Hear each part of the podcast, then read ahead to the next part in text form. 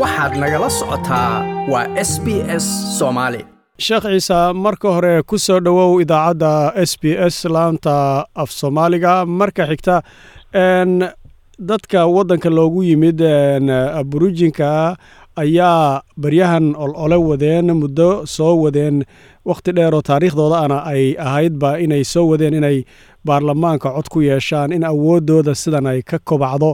Marka barnaamijka luru statement la yidhaahdo oo dowladdan hadda waddanka ku guulaysatay ee haatan leybarka uu hogaaminayana ay taageertay ayaa haatan sagaal urur oo diini ah australia ka jira oo golaha islaamka uu ku jiro ay taageereen. Arintaas siday aad yaad u dhigteen? Bismi illahi raxmaan raxiim alxamdu lilah wsalaatu wasalaamu calaa rasuuliillah madar waan dhowahay. Mahadsanid inaad ugu soo dhaweysay idaacadda s b s afka soomaaliga ah.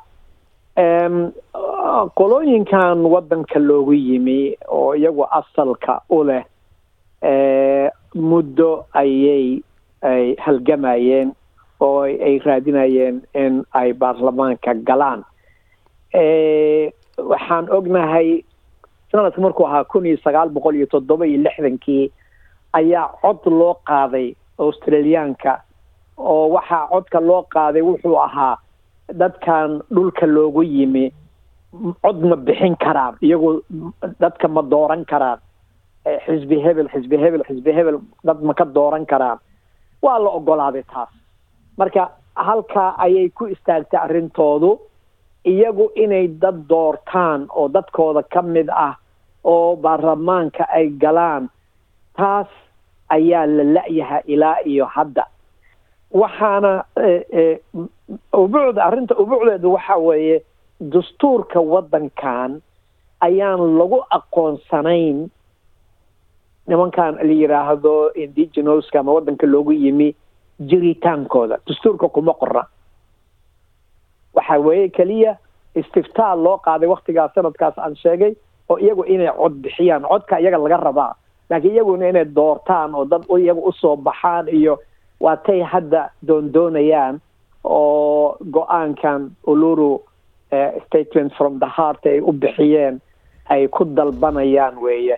Marka inta diinta leh waddankan hadday muslim yihiin hadday yahuud yihiin iyo haddii kaleba way taageereen in dadkan codkooda la siiyo marka waa waxa lagu diido ma jirto sababtoo ah diinteenna waafaqaysa acti kula dii xaqin xaqa. Qof walbaba xaqa uu leeyahay ha loo yeelo ha la siiyo.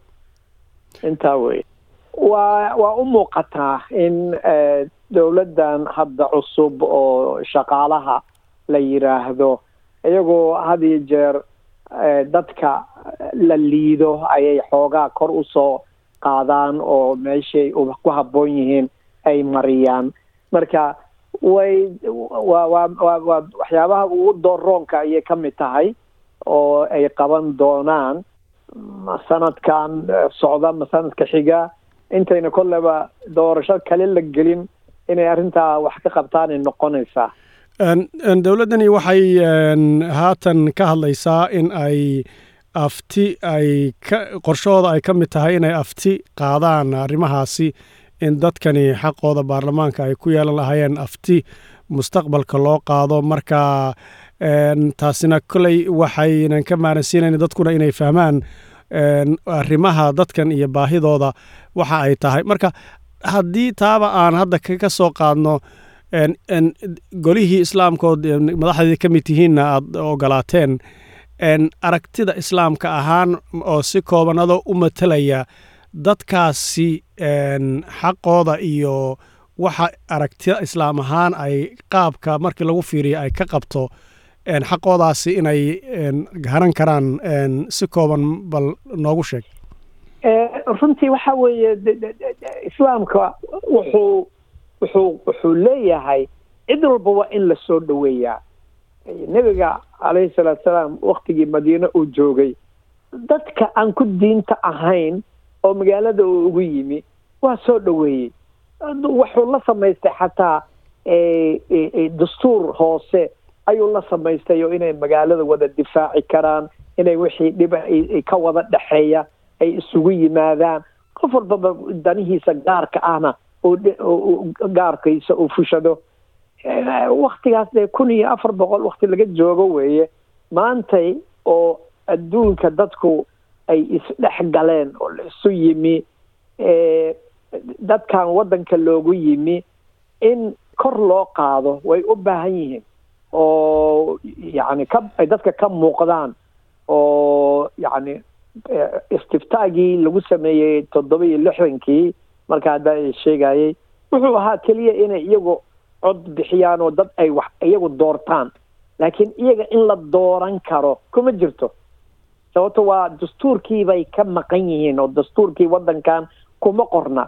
Dastuurka waxaa la qoray kun iyo sagaal boqol iyo kowdii meelahaasaa la qoray.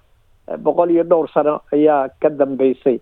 Marka in hadda haddii istiftaa dadka loo weydiiyo oy aqbalaan boqolkiiba toddobaatan siddeetan ay aqbalaan dastuurkaa markaa lagu dari doonaa in la ictiraafay oo la aqoonsaday oo iyaguna markaa codkooda ciddii ay doonaan ay ku soo geliyaan baarlamaanka. Marka islaamku waa ogol yahay in dadka la wada shaqeeyo wax la wada qabsado qof walbaba wixii dhibkiisa ah inuu ka hadlo waa maslaxatul caama waxyaabaha la yidhaahdo ayay ka mid tahay. Aad ayaad u mahadsan tahay kaasi wuxuu ahaa sheekh ciise cabdi muuse oo aan ka wareysanaynay arrimaha uluru statementi ee haatan dowladdu ay u ololeynayso qolaha oo aboriginalka hawshooda ay tahay. Ahna sheekh isagu madaxda ka tirsan golaha a'immada ee culimada australia. Aad baad umahadsan tahay sheekh ciise? Mahadsanid madar. Like aas la wadaag wax ka dheh lana soco barta facebooka ee sb s soomaali